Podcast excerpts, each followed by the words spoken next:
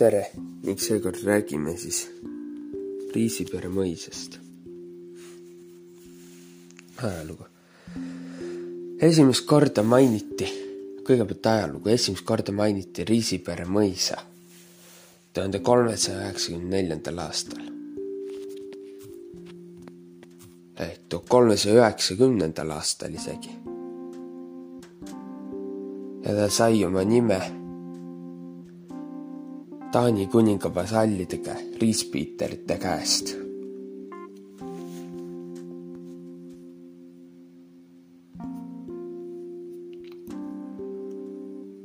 praegune mõisa peahoone valmis, valmis aastal tuhat kaheksasada kakskümmend üks Peeter Gustav von Stackelbergi poolt.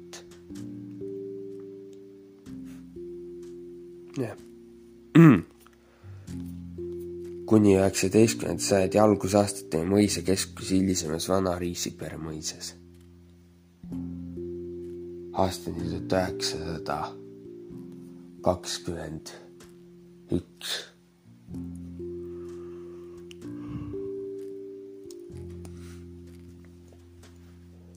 milline oli Vana-Riisipere mõis siis ammu, sellest aimu ei ole. kas ta vähe aimu? Uus peahoone ehitati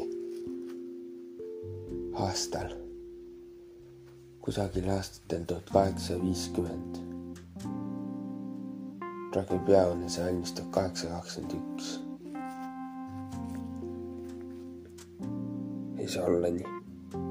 see ehitati vana Riisipere mõisa vanema ehitise müüridele ehk siis tuhande kaheksasaja kahekümne esimese aasta müü-, ehitise müüridele jah, mõisahoone arhitektuur on varaklassitsistlik.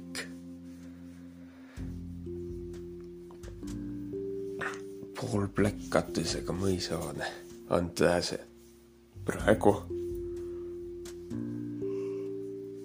ümbritsejad ait-, ümbritsesid ait, tõllakuur, tall, tõllakuur ja muud kõrvalooned.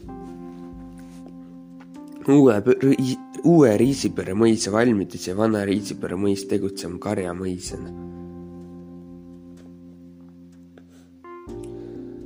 jah.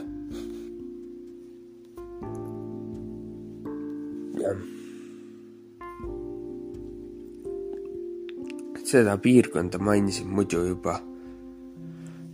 jah, üheksateistkümnenda sajandi algusaastate mõisakeskus hilisemas Vana Riisipere mõisas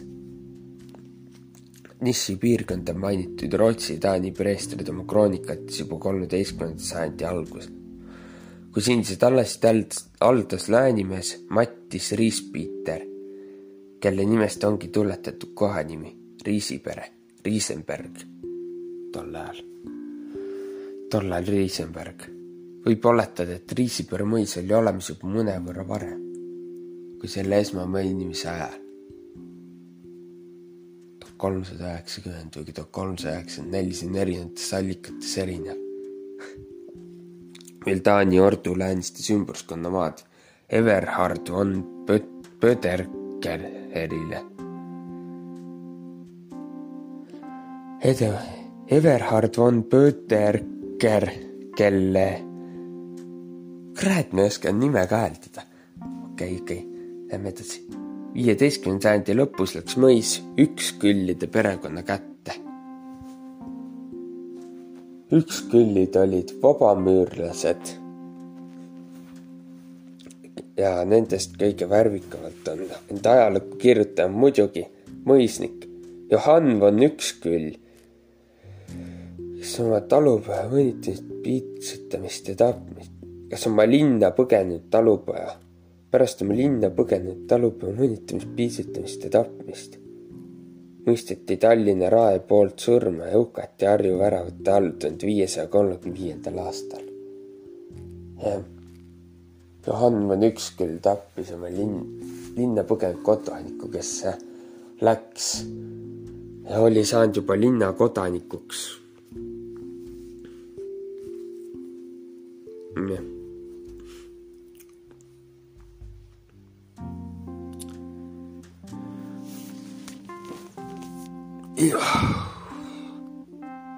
tuhat viiesaja üheksakümne kaheksandal aastal jagati pärandi jagamise käigus tema tütre-tütarde vahel Riisipere mõis kaheks ning seda võib lugeda uue Riisipere mõisa alguseks. vana Riisipere ja Asserieni perekonnale. kuid tuhande kuuesaja kuuekümne üheksandal aastal ostis uue Riisipere mõisnik von Pistram vana Riisipere mõisa tagasi ning edasi püsisid mõlemad mõisad sama suguvõsa omandis kuni mõisate võõrandamiseni. lisaks neile mainitule on mõisa valitsejateks olnud veel Taideni, Taube ja Stakkelbergide perekonnad. Stakkelbergid olid need, kes alustasid tuhande kaheksasaja kümnendatel aastatel uue mõisahoone rajamist uue Riisiperre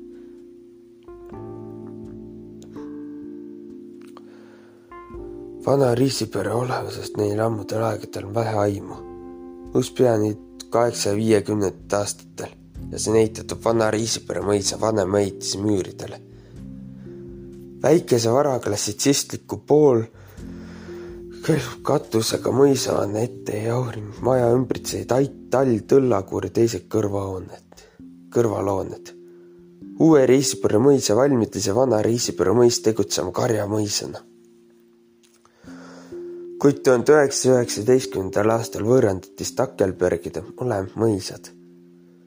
kui võime võõrand, üheksa üheksakümmend võõrandati Stakkelbergi mõlemad mõisad võimaldati endistel omanikel kuni tuhande üheksasaja kolmekümne üheksanda aasta ümberasumiseni vana Riisipere mõisas elada. pärast teist maailmasõda ehitati mõisahoone tublisti ümber ja sinna rajati kauplus hoonet on kasutatud lisaks raamatukogu, sovhoosi korteri ning korteritena. vana Reisiperu mõisas asunud kauplust mäletavad mõned vanemad inimesed tänapäevanigi ning rahvasuu jutustab, et kunagi oli uue ja vana Riisipere omavahel salakäiguga ühendatud. tuhande üheksasaja seitsmekümne teisel aastal oli majas tulekahju ning ilus hoone jäi varemetest ajapikku lagunesid ka kõrvalhooned.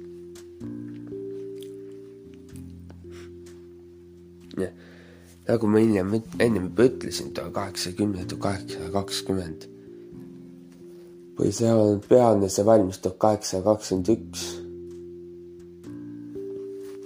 Peeter Gustav von Stackelbergi poolt. ta mõis on Peeter Gustav von Stackelberg, eluaastat tuhat seitsesada kuuskümmend kaks kuni tuhat kaheksasada kakskümmend kuus kakskümmend üks sai peahoone valmis. keskus uude riis-, paika, mida hakati kutsuma uue riisipereks. Neu Riisenberg. mahukate mullatööde abil loodi põhistiik, mille kaldal ehitati mõisal esinduslik Riisipere mõisa peahoone. tiigi ümbrusse rajati park. tuhande kaheksasaja kahekümne esimese aasta valmis mõisa peahoone see on väga hea näide Eesti kõrgklassitsismist nii sise- kui väliskujunduse poolest. endise tiigi vastas on kuue sambaga astmik on toon, mida on rikkalikult kaunistatud. ehk siis jah, see on see trepp. mõisal ehitati palju kõrvalhooneid, enamik neist ei peahoonest lääne poole tuhande üheksasaja üheksateistkümnenda aasta võõrandati mõis Karl Otto von Stackelbergilt. von Stackelbergide aadliperekonnal jäi vana riisipere, küll aga polnud nad enam mõisnikud. tuhande üheksasaja kahekümne esimesel aastal loodi mõisa juurde piiskop Platon nimeline orbude varjupaik. tuhat üheksasaja kaheksakümne neljanda aastani tegutses see mõisahoones lastekoduna. pärast seda seisis peahoone kasutuseta ja lagunes tuhande üheksasaja üheksakümnendate aastate lõpus läks hoone eravaldusesse ja on praegu restaureerimisel. ja siis üle enamike mõisakompleksist on muinsuskaitse all. muinsuskaitse all on Riisipere mõisa kelder üheksateistkümnendast sajandist ja on praegu avariilises seisus. paekivist osas ka tellistest Riisipere mõisa abijoone üheksateistkümnendast sajandist rahuslavast seisust. Riisipere mõisa tall tõllakuur üheksateistkümnenda sajandi algus, kahekümnenda sajandi kahekümnendate aastate põhjalikult ümber ehitatud. Riisipere mõisa töökoda tuhat kaheksasada nelikümmend üks kuni üheksa seitseteist rahuldavas seisus on ehituse, ehitusaastad on need siis Riisipere mõisa ait kuivati ehitatud tuhat kaheksasada nelikümmend üks kuni tuhat üheksasada seitseteist avariilises seisus.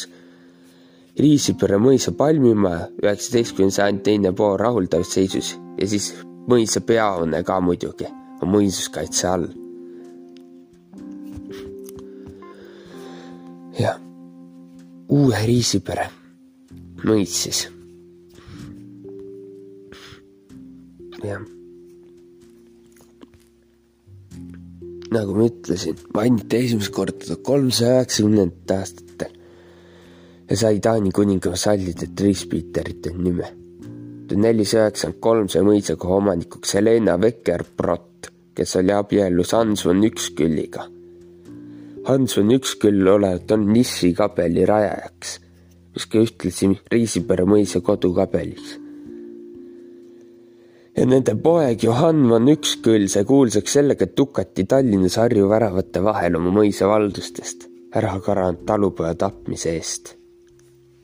Hans von Üksküll oli, nende poeg Hans oli siis ka Riisipere mõisnik tol ajal.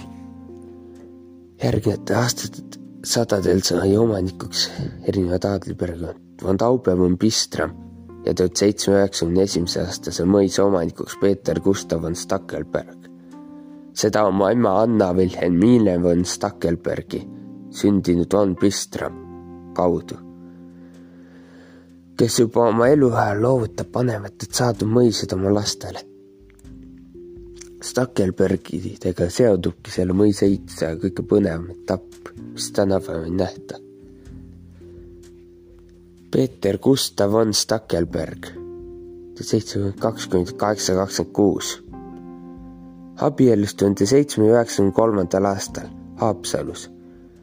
Hiiumaalt Putkaste mõisast pärit Magdalena Kristina Augusta von Ungern-Sternbergiga, Ungern-Sternbergid, tuhat seitsesada seitsekümmend seitse kuni tuhat kaheksasada nelikümmend selle eluaastat siis. kui ta Peeter Gustav paar aastat varem saanud oma emalt Riisipere mõisa, siis asuvad nad sinna elama, juba järgmise aasta sünnib neil esimene tütar.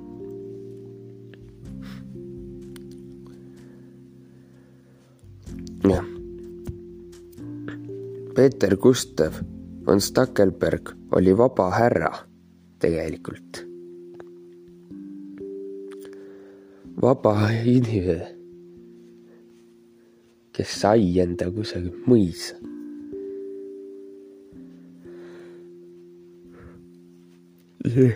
ja nüüd siis Stackelbergi, Peeter Gustavson Stackelbergi aegne ehitis, ehitiste arhitektuur.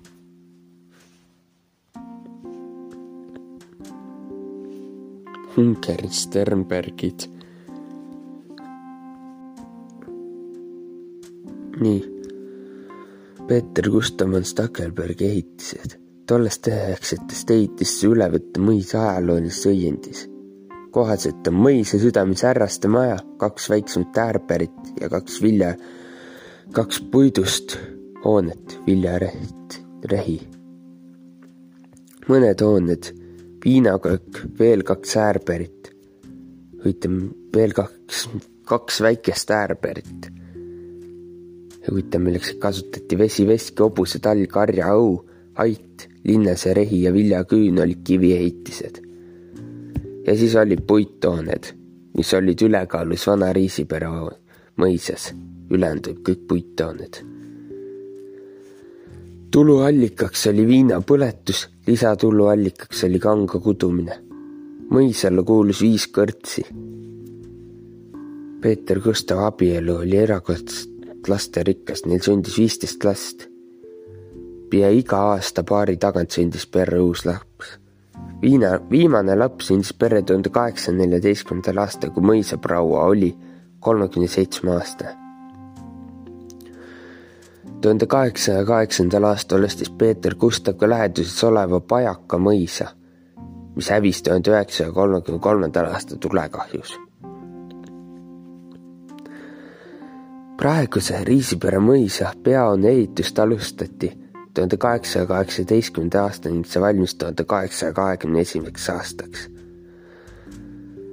ka on teada, et tuhande kaheksasaja kahekümne, kahekümnendal aastal võttis Peeter Gustav suurema summa krediidikassast laenu, kuigi pole teada, mis tarbeks see kulutati. siis võib oletada, et küllap see ka uue peajaama ehituseks läks. Peeter Gustav ei saanud oma uues majas kaua elada. ta suri juba tuhande kaheksasaja kahekümne kuuendal aastal, olles kuuekümne nelja aastane Peeter Gustav von Stackelbergi pärija oli tema lesk, kes loobus mõisatest laste käsuks. Endale jättis ta vaid Hiiumaal oleva Putkaste mõisa. Riisipere mõisa omanikuks sai nende kõige vanem poeg, Peeter von Stackelberg kõige vanem poeg, Karl Otto von Stackelberg, tuhat seitsesada üheksakümmend seitse kuni tuhat kaheksasada kuuskümmend viis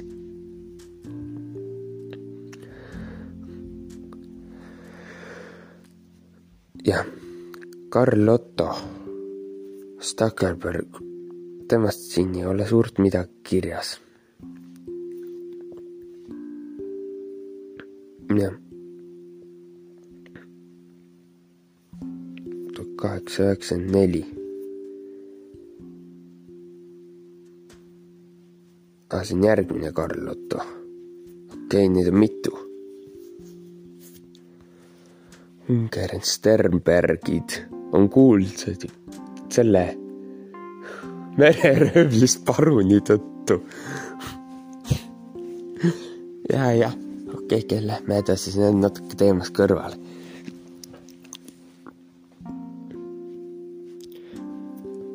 Karl Otto von Stackelberg. nii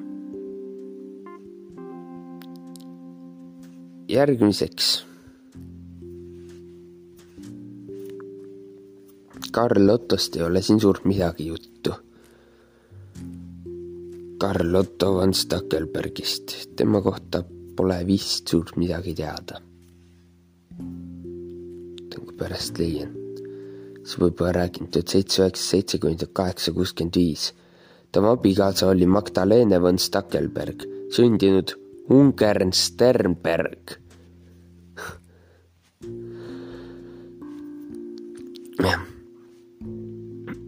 aga igatahes Karl Otto sureb tuhande kaheksasaja kuuekümne viiendal aastal. ning tema lest Magdalena, Magdalena von Ungen, von Stackelberg, kes sündis Unger Sternbergile, loobub valdusest oma vanima poja Karl Otto Konstantin von Stackelbergi tuhat kaheksasada kakskümmend kuus kuni tuhat kaheksasada üheksakümmend neli kasuks. Karl Otto Konstantini esimene abikaasa Julia von Sievers, Sieversik ka, sureb tuhande kaheksasaja kuuekümne kolmandal aastal tüüfusesse ja temast jääb maha kaks tütart. aastane Benedicta, Benita ja kolmeaastane Helene. Helene ja Benedicta von Stackelbergid.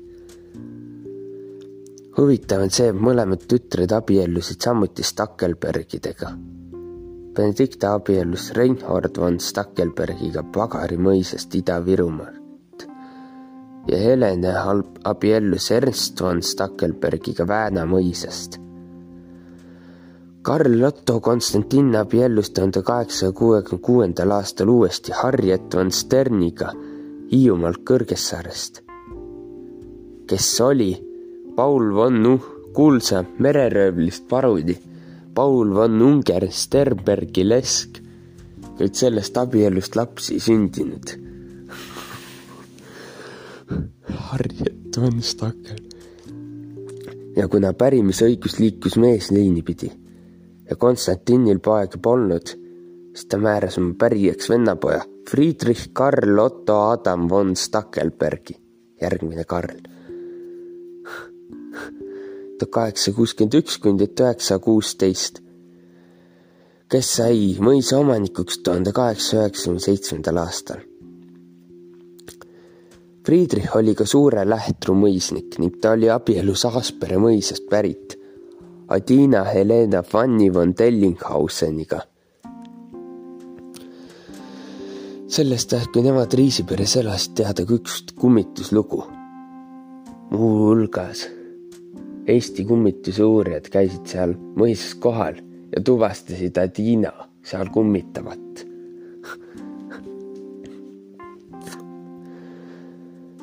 Adina ja Friedrichi üks tütardest olevat surnud üsna noores eas ning hiljem on nähtud seda noort tütarlast mitmeid kordi mõisas kummitamas. ja just, tema tütar samamoodi ja teine ka. üks mees oli ka, ilmselt Friedrich siis. Üks mõisa toatüdruk olevat teda kohanud mitmeid kordi mõisas kõndimas. esimese korral avan-, arvanud olevat külaline olevat valges saalis üks aken kinni müüritud peale tütre surma. loodin jäänud rahva pärimust läbi teenijate mälestust. jah. veel oma eluajal andis Friiri mõisa üle oma pojale Karl Otto von Stackelbergi tuhat kaheksasada üheksakümmend neli kuni Tsibole lõpu surmaastat, kes jäi mõisa viimaseks omanikuks enne võõrandamist peale mõisa võõrandamist elasid Zuckerbergid edasi vana Riisipere mõisas, kus nad tuhat üheksasaja kolmekümne üheksa aasta Saksamaal lahkusid. sellepärast polegi.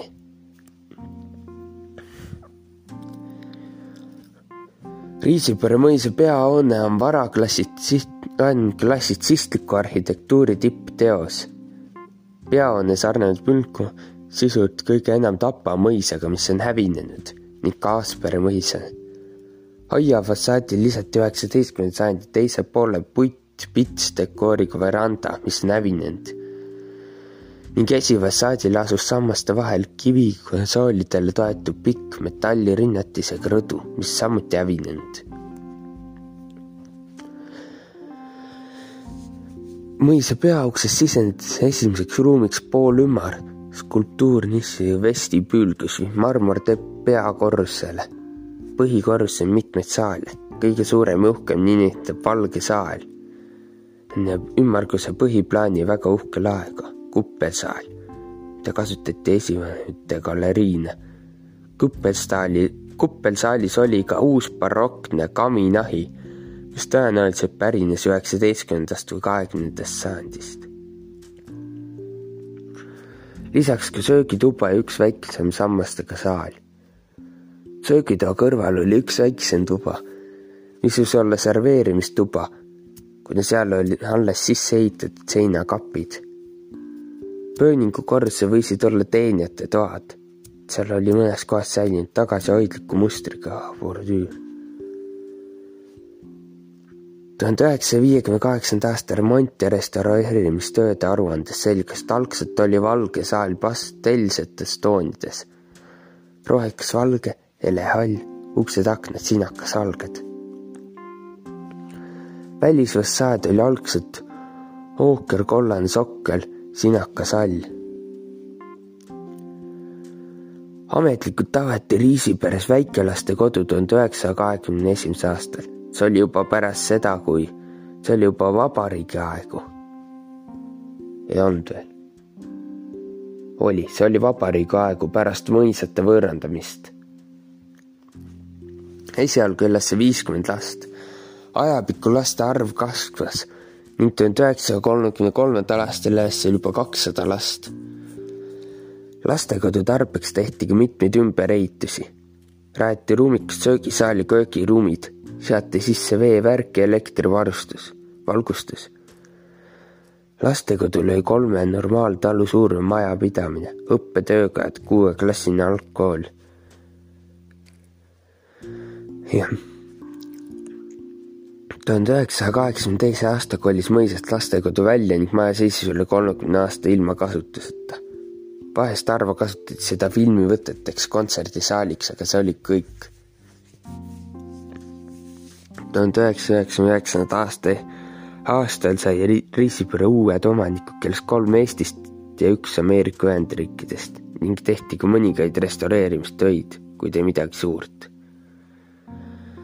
mõisal hoidis peal üks koha, silma peal üks kohalik härra. ja juuste kokku langesime, võiks sisse pääseda. kahe tuhande kaheteistkümnenda aasta kevadel olid omanikeks Eesti päritolu Vene ärimehed, kui mõne aja pärast läks müüki, mõis uuesti müüki. ja kahe tuhande viieteistkümnenda aasta sai Riisipere mõis uue asjaliku omaniku ja seda hakati renoveerima alustati katusest ja fassaadist. jah, nii. jah. kaks tuhat kuusteist sai fassaad valmis ja sisetöö, algasid sisetööd. jah.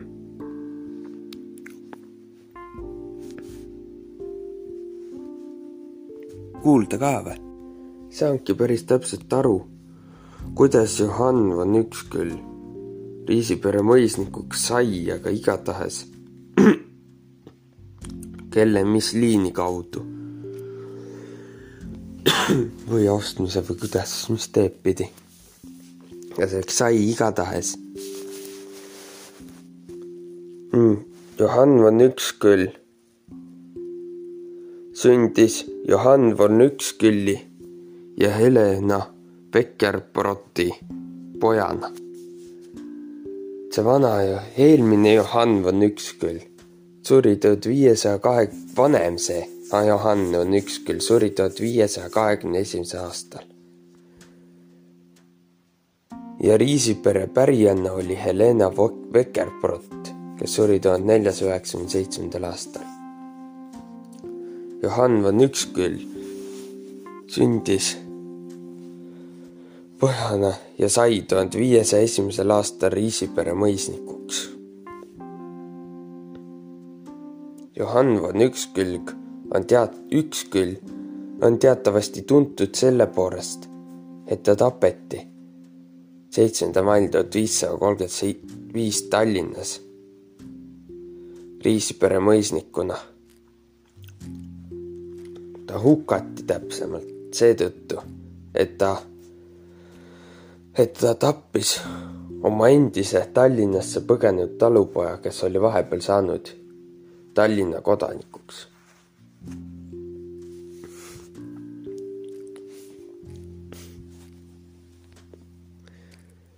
tappis linnast ära ja siis ta hukati.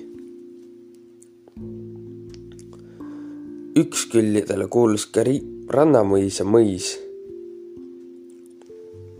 mille val-, Mire varad jagas ta hiljem kaheks ja pärandas oma poegadele, jagaks kaheks Ilmandu ja Tabasalu osadeks.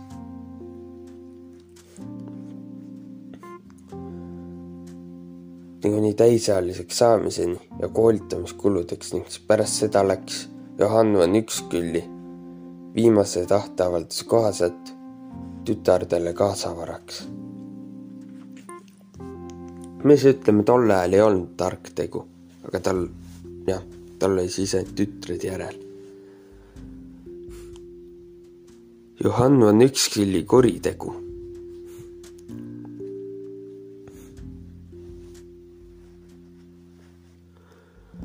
Johann von Ükskõlli kuritegu oli see, et ta piinas surnuks ühe Tallinnasse põgenenud talupoja, suure pere Madise minnes seega sellega vastuollu linna õigusega, mille kohaselt aasta ja päeva, tegelikult ilmselt aasta ja kuus nädalat linnas viibinud isik oli linna kaitse all.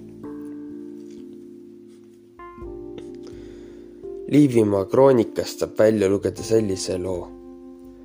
aastal tuhat viissada kolmkümmend viis maikuu seitsmenda päeva lugeti mõõgaga aulik Johann Üksküll Riisiperest ta oli oma talupoega esmalt mõnitanud ja ning raskesti piitsutanud siis ta paku sisse löönud ning kaks söötsa suure külma käes kinni hoidnud, nii et tal jalad ära külmunud.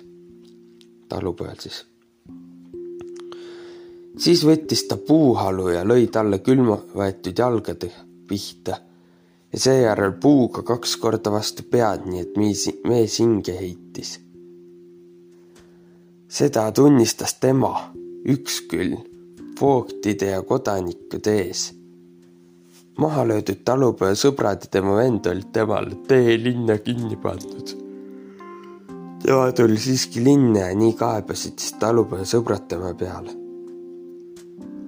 ta tunnistas, ilma et teda oleks pinnetud, et ta on nõnda toiminud, nagu ülal kirjutatud ja pakkus palju raha, et sellest surmamõistmisest pääseda. Seeki talle ühe küla ning iga aasta kogu oma eluea jooksul. seekides ühe säilitas rukkeid ja linnale tuhat marka. seda ei võinud kohus lubada, sündigu rikkagi samuti nagu vaesegagi jumal, leida armu hingele, Johann üks küll Riisiperest. hakati viina vii,, hakati vii-, hakati viima hukkamispaigal väljaspool linnamüüri. Kui Johann on üks küll Riisiperet, aga viima hukkamispaiga väljaspool linnamüüri, oli linnavärava taha kogunud hulk aadlikke, et teda päästa. seepärast hukati ta hädasunnil Harju väravate vahel mõõgaga ja tema naisele anti tagasi kõik, mis tema taskust leiti tema võõksorniga kirikuriidid ja nii edasi. ainult riided, mis ta seljas olid, kui teda hukati, kuuluvad Timukale. Nendega pole Rael mingit pistmist. See jutt on nüüd pärit Liivimaa Hendrik, Hendriku kroonikast. Neid sündmusi on kirjutatud, kujutatud filmis Verekivi. Johann von Ükskülg oli veel pealegi vabamüürlane vabamüürlaste hulka kuulus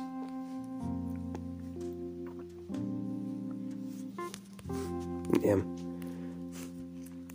see oli siis üksküllide perekond.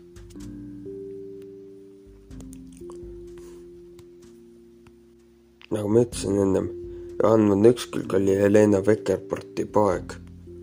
nii, ja pärast Ükskülli läks asi edasi. Riisipere mõisal oli küll palju pärijaid, on olnud aja, lühiajalisi ja pikaajalisi Stackelbergid on juba kolmeteistkümnendast sajandist Eestis, olid Riisipere mõisas neljateistkümnendast sajandist. nimi Riis, mõisa nimi tuli Riispiiterite järgi, Taani vasallide järgi. üheksateistkümnenda sajandi alguse mõisakeskus Vana Riisiperes, mille ärastamast pole peale põlengut muud alles kui varemed Johann von Ükskülg hukat-, Riisipere mõisnik hukati Tallinnas tuhande viiesaja kolmekümne viiendal aastal. järgmiseks omanikuks sai Christopher Dreiden, kes sai mõisa endale tuhande viiesaja üheksakümne kaheksandal aastal. tema kohta ei tea suurt midagi, aga järgmise, pärast edasi, järgmiseks omanikuks sai tuhande kuuesaja neljakümne esimesel aastal või Otto Wilhelm Taube kes ostis selle ära. ka taubed on suhteliselt tuntud ja siis tuhande kuuesaja kuuekümne kolmandal aastal läks mõis Rootsi kindralmajor, maanõunik Georg Jürgen von Bistramile tuhat kuussada kakskümmend neli kuni tuhat kuussada kaheksakümmend seitse eluaastad. kiriku ees on ka Bistramite sugulaste hauad Pistram, Pistramid ühendasid vana ja uue Riisipere. Georgile järgnes ta poeg Bengt Friedrich tuhat seitsesada üksteist kuni tuhat seitsesada seitsekümmend kolm. Järgmise mõisnikuga, noh, ka tema oli maanõunik. Bengtil oli viis last. mõisa pärijaks, mõisa pärijaks oli tema tütar Anna Vilhelmine von Bistram siis seitsesada kolmkümmend seitse kuni tuhat kaheksasada. ja Anna Vilhelmine tõigi mõisa ajalukku Stackelbergide nime, Riisipere mõisa. Anna Vilhelmine von Bistram abiellus Saaremaa Tumala mõisa mõisnikuga Karl Georg von Stackelbergiga ja neil sündis poeg, major Peeter Gustav von Stackelberg, tuhat seitsesada kuuskümmend kaks kuni tuhat kaheksasada kakskümmend kuus, kes sai mõisa omanikuks tuhande seitsesada üheksakümne esimesel aastal. Tema viis mõisakeskuse Vilumäele, kuhu tekkis uus riisipere. tuhande kaheksasaja kahekümnendal aastal valmis uus paleetaoline mõisahoone, mille härrastemaja ehitati klassitsistlikus ehitusstiilis, mis oli tolle ajal tipp arvates tulist raha olid rahaasjad siis hästi, et sellist hoonet sai koos muu kõige muuga ehitada ja hiljem ülal pidada. Hoone keskel kuppelsaal, kus oli esivanemate portreegalerii. seinakarniise kaunistasid elu suurused ristirüütlite kujud. Stakkelbergide suguvõsa oli tegelikult mõisad igal pool Eestimaal tugev sid-, eriti tugev side oli Hiiumaa Suuremõisaga. just sealt oli päris teine kurikuulus mereröövlist mõisnik Ludwig von Ungern-Sternberg. kurat, talle taheti veel monumenti teha. mereröövlist mõisnik. tema teod saatsid ta Siberisse minema. Peeter Gustav von Stackelberg abiellus Ungerst Ludwig, Ludwig on Ungen-Sterbergi mõisniku tütrega. Wilhelmine Minetega. Peeter Gustavi poeg, maanõunik Karl Otto Stackelberg. tuhat seitsesada üheksakümmend seitse kuni tuhat kaheksasada kuuskümmend viis abiellus Wilhelmine Minetega, kes oli Peeter, oli Unger-Sterberg Ludwig von Ungen-Sterbergi tütar ja kes oli sündinud nime all Wilhelmine von Ungen-Sternberg tuhat kaheksasada neli kuni tuhat kaheksasada kaheksakümmend üks, kes oli ta oma mehe nõbu. see on taadrike seas erandlik, üldse erandlik. see mõisaprau jättis end Riisipere ajalukku kui tih-, tige ja kohati südametu naine. samas tegi ta ka palju head mõisapargi jaoks. Kõikjal, kus ta viibis, tõi ta midagi kaasa, mõisaparki istutamiseks kaasa. sel ajal olevat mõisapark oma liikide rohkuselt olnud eeskujuks paljudel mõisatele samuti süvendas ta ja süvendas ja laiendas ta mõisapargi tiiki. see oli, maksis talupoegadele ränka hinda. talupojad pidid vedama tiigi põhjast hobuvankritega muda ja soppa. Lõpuks kinni-, loodi sa-, tiiki saared ja kaunistati need püramiidid istutatud kuuskedega. püramiidkuused tehti sinna. ettevõtlik silu ja vaeviigi mõisaproua Vilhelmine lasi kus-, kunstnikule endast elu suuruse portree teha. ja kui ta oli tööliste valvamist tüdinud, siis tõstnud ta selle portree rõdule. Töömehed ah, siis vaadanud, et heit ikka passin neid. eks see kestis siis nii kaua, kuni mehed tõeli jälje said siis on veel üks huvitav lugu Wilhelminest ja, ja tema talupoegadest. kui kaks toapossi Wilhelminet vankris mööda parki sõidutasid, siis töömehed ütlesid. näe, vanakurja veetakse. Wilhelmine maetud samuti kirikuaeda üsna kabeli lähedale. ja tema üldse vedas, et risti ei langenud vandaalide ohvriks võib-olla mõju või nii suur, et kakssada aastat hiljem kurjus sealt välja pritsib. tuhande üheksasaja neljandal aastal püstitas Wilhelmine poeg oma ema sajandaks sünniaastapäevaks mõisaparki mälestuskivi, mis on seal tänini. Tuhande kaheksasaja seitsmekümne kolmandal aastal loobus Wilhelmine oma omandiõigusest oma poja Konstantini tuhat kaheksasada kakskümmend kuus kuni tuhat kaheksasada üheksakümmend neli kasuks. Konstantinil ei olnud poega. tema noorem tütar Helena abiellus Vääna mõisaomaniku vabahärra Peeter Ernst Vorn Stackelbergiga kaheksakümmend nelikümmend kuus kuni tuhat üheksasada kaheksateist. ja pärast seda läks mõis Konstantini onupoja, poja kuningriigi keisrisaadiku vabahärra Karl Otto von Stackelbergi kätte. Karl Otto abiellus omakorda vabapereli Adina von Tellinghauseniga kaheksasada seitsekümmend kuni üheksasada kakskümmend viis. tema aua asukoht on teadmata. Tellinghauseni oma siis. Tellinghauseni tütre, varakult surnud Anna, Anna Elizabethi haud on aga kirikuaias risti selle pole peal pole, aga hauakivi on alles. selle kurva saatuse neiu looga on seotud mitu müstilist lugu. vanarahvas teadis teda kummitama mõisahoones, ka teenid on sellest rääkinud. autos see, keda autor ütleb, et tema õde, keda lugu sügavalt huvitas, sai pika otsimise peale tema surmatunnistuse koopia Anneliise suri liigese haigusse, tänapäeva nimetati reumasse. pärast tütre surma oli Adina nutnud kivilaua peal, mis praegugi veel olemas ja käskinud teha sihi, sirge pika sihi, mõisast otse tema kalli lapse hauani. Nüüdseks on kõik see kinni kasvanud ja kõik on muutunud. Õnneks on natukene jäänud kinni haarata jah.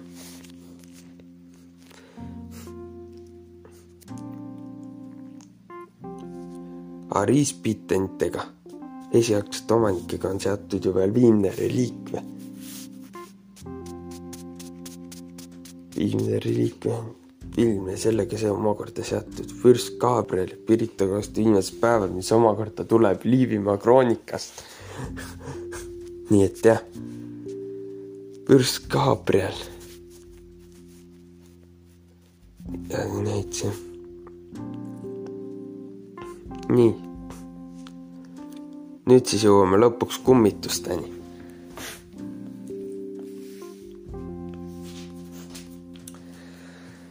Nii, Chasing Paranormal Eesti käis seal, käis seal kohapeal ära, vaatas seda hilti. Chasing Paranormal Eesti siin Paranormal Eesti sari käis seal sees. sai ka televiisorisse tondipüüdjatena seriaalina kunagi.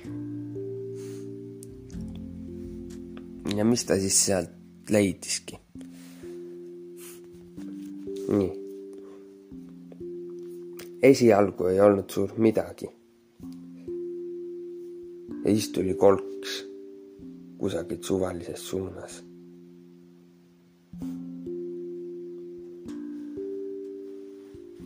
siis kuuldi tagumises toas samme ja hääli tagumises kipsis toas. Ja siis kasutati mingisugust seadet, millega muudeti sagedust, pandi mingi selline sagedus, millest Eestis, mida Eestis ei ole kusagil ühegi raadiojaamal. nii-öelda vaimude helisagedusele keerati. sealt vastati nähti ka igasuguseid anomaaliaid ja igasuguseid. Mingisugust kuju nähti. valge kogu. Chasing Paranormal käis see kaks korda sees, teist korda ma ei leidnud ülesse. väidetud käis kaks korda. kuuld-, kuuldi veel kori-, kolistamist, seda eriti teise korrusse ja siis kuuldi karjumishääli ja koputusi. lisaks kuuldi kolme nime Anna, Toomas ja Marianne. Toomase ja Marianne kohta ma ei suutnud mitte mingisugust seletust leida, kes nad olid. Toomase ja Marianne kohta ma ei leidnud mitte midagi mitte kusagilt. nii et jah, ma ei tea, kes need Toomas ja Marianne olid igatahes Anna oli Anna Elizabeth Stackelberg. Sta-, Stackelbergi selle Otto Stackelbergi tütar, kes suri tuhande üheksasaja teisel aastal lapsena reumasse.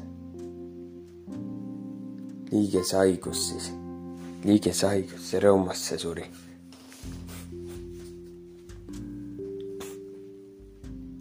ja siis vahe, ühel hetkel vastas mingisugune mees seal ka nende küsimustele.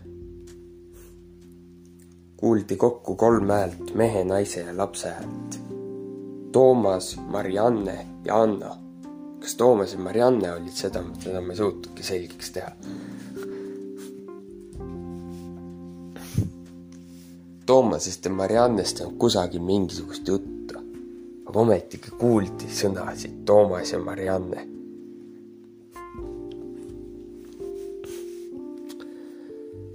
nüüd siis ma ütlen. Nii, seisin pärane, siis ütlen, mis nad küsisid, kummitasid ja mida vastati. üldist sagedust ei kasuta ükski olemasolev raadiojaam, nagu nad kasutasid. nii. kõigepealt oli aku täis. küsiti kõigepealt tuldi sisse. Tere, kas siin on keegi? kui siin on keegi, siis palun tehke häält, oli esimene sõnum. käisid paugud, kolksatused ja sammud kipsis toas ja muud hääled. ja vastati jaa küsiti uuesti, kas siin on keegi, kui keegi on, siis palun tehke häält. vastati veel tugevamalt ja kõvema häälega. jaa.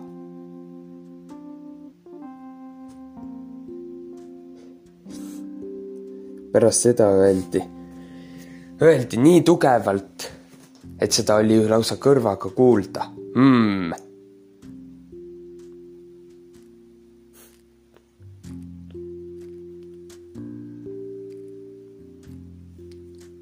mm, vastas.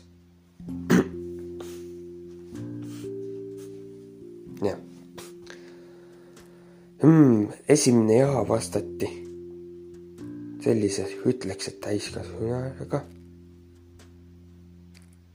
mm,. vastati mingisuguse mehe häälega, ma ei tea, kes see võis olla. ja siis hiljem vastati uuesti jaa. pärast samale küsimusele öeldi jälle jaa, mis kõlas nagu mingi lapse hääl. Noorena surnud Anna-Elisabeth Stackelberg oli see laps või? laps oli Anna-Elisabeth või? ilmselt küll, jah, see oli Anna-Elisabeth Stackelberg vastas jaa. või õigemini tema kummitus. aga kes see naine oli ja kes see mees oli, seda ma ei suutnudki selgeks teha lõpuks.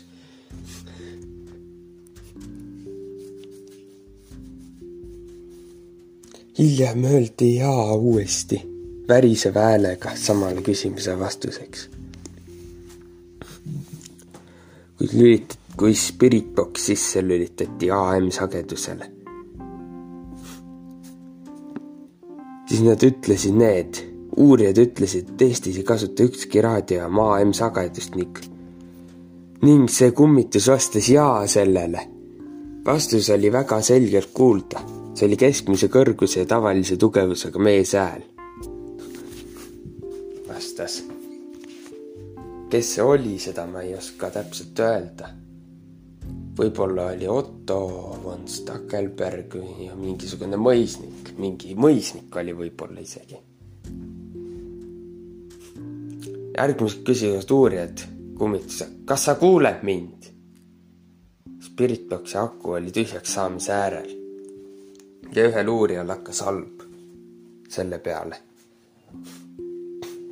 kummitus ilmselt tuli neid, nende kõrvale, istus nende kõrvale maha.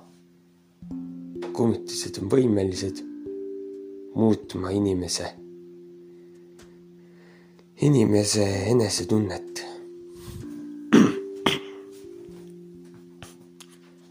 siis küsis, kas siin toas on keegi küsiti, kas siin toas on keegi meiega, uurijad. vastati arusaamatult mingisuguse mehe häälega. vist oli jah. vist vastati jah. see oli arusaamatu natukene. ja siis küsiti, kellele see mõis kuulub. sellele vastati majast seest, ütleme ära, et nad olid ülemise korrusele roninud juba. Aga majast seest vastati alumiselt korruselt väga selgelt ja nii tugeva häälega, et seda oli kõrvagagi kuulda. jaa. heli tuli kuulmise järgi paremast servast treppide juurest. siis sooviti, et ta veel ka, veel teeks häält kummitus ja selle peale tuli kaks korda uuesti sama koht, samast kohast häält. Iga korraga järjest vaiksemalt. ja siis lõpus tuli lapse hääl. jah.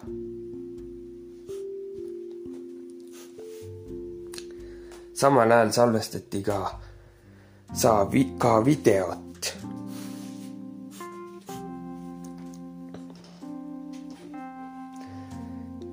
jah, salvestati ka videot nii kaua, kuni salvestati pilti nii kaua, kuni videopilti, kuni aku tühjaks sai siis kummitus imas energia endasse. akust. videokaamera energia imas endasse. hiljem, hiljem sai tühjaks ka spirit box, sest selle energia imeti ka endasse.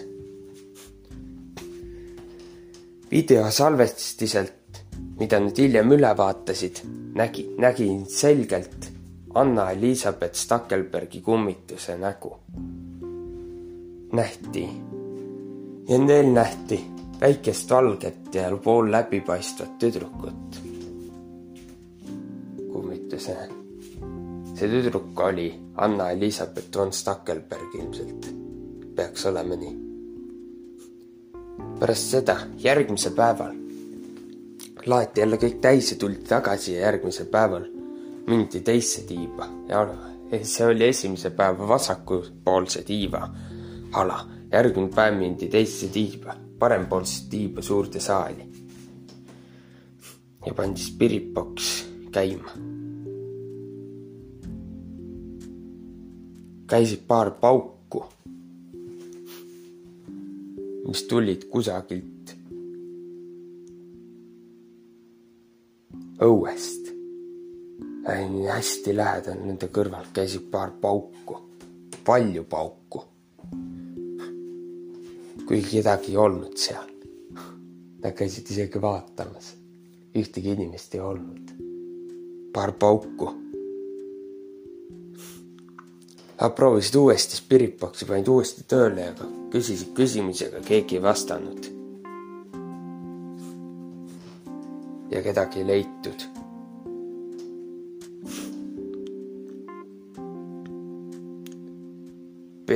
peeti väike paus ja küsiti uuesti. jälle ei tulnud vastuseid. aga kuuldi kahte häält teiselt korruselt, kuuldi häält teiselt korruselt. kolm häält tegelikult. kuuldi mingisugust mehe häält. siis kuuldi lapse, naise häält.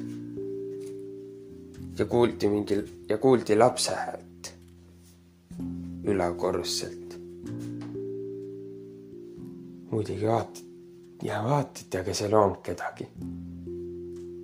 ei nähtud kedagi, aga kuuldi kolm häält. mida nad rääkisid, sellest nad aru ei saanud.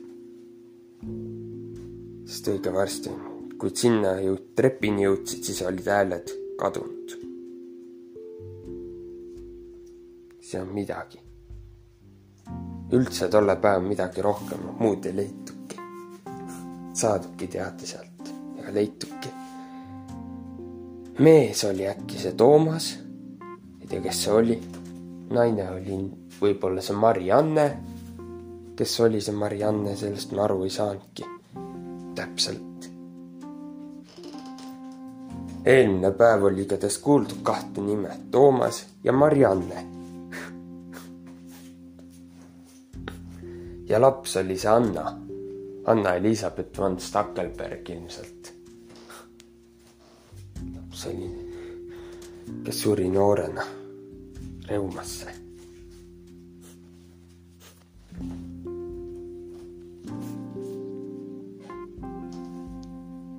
jah, ja siis veel üks asi.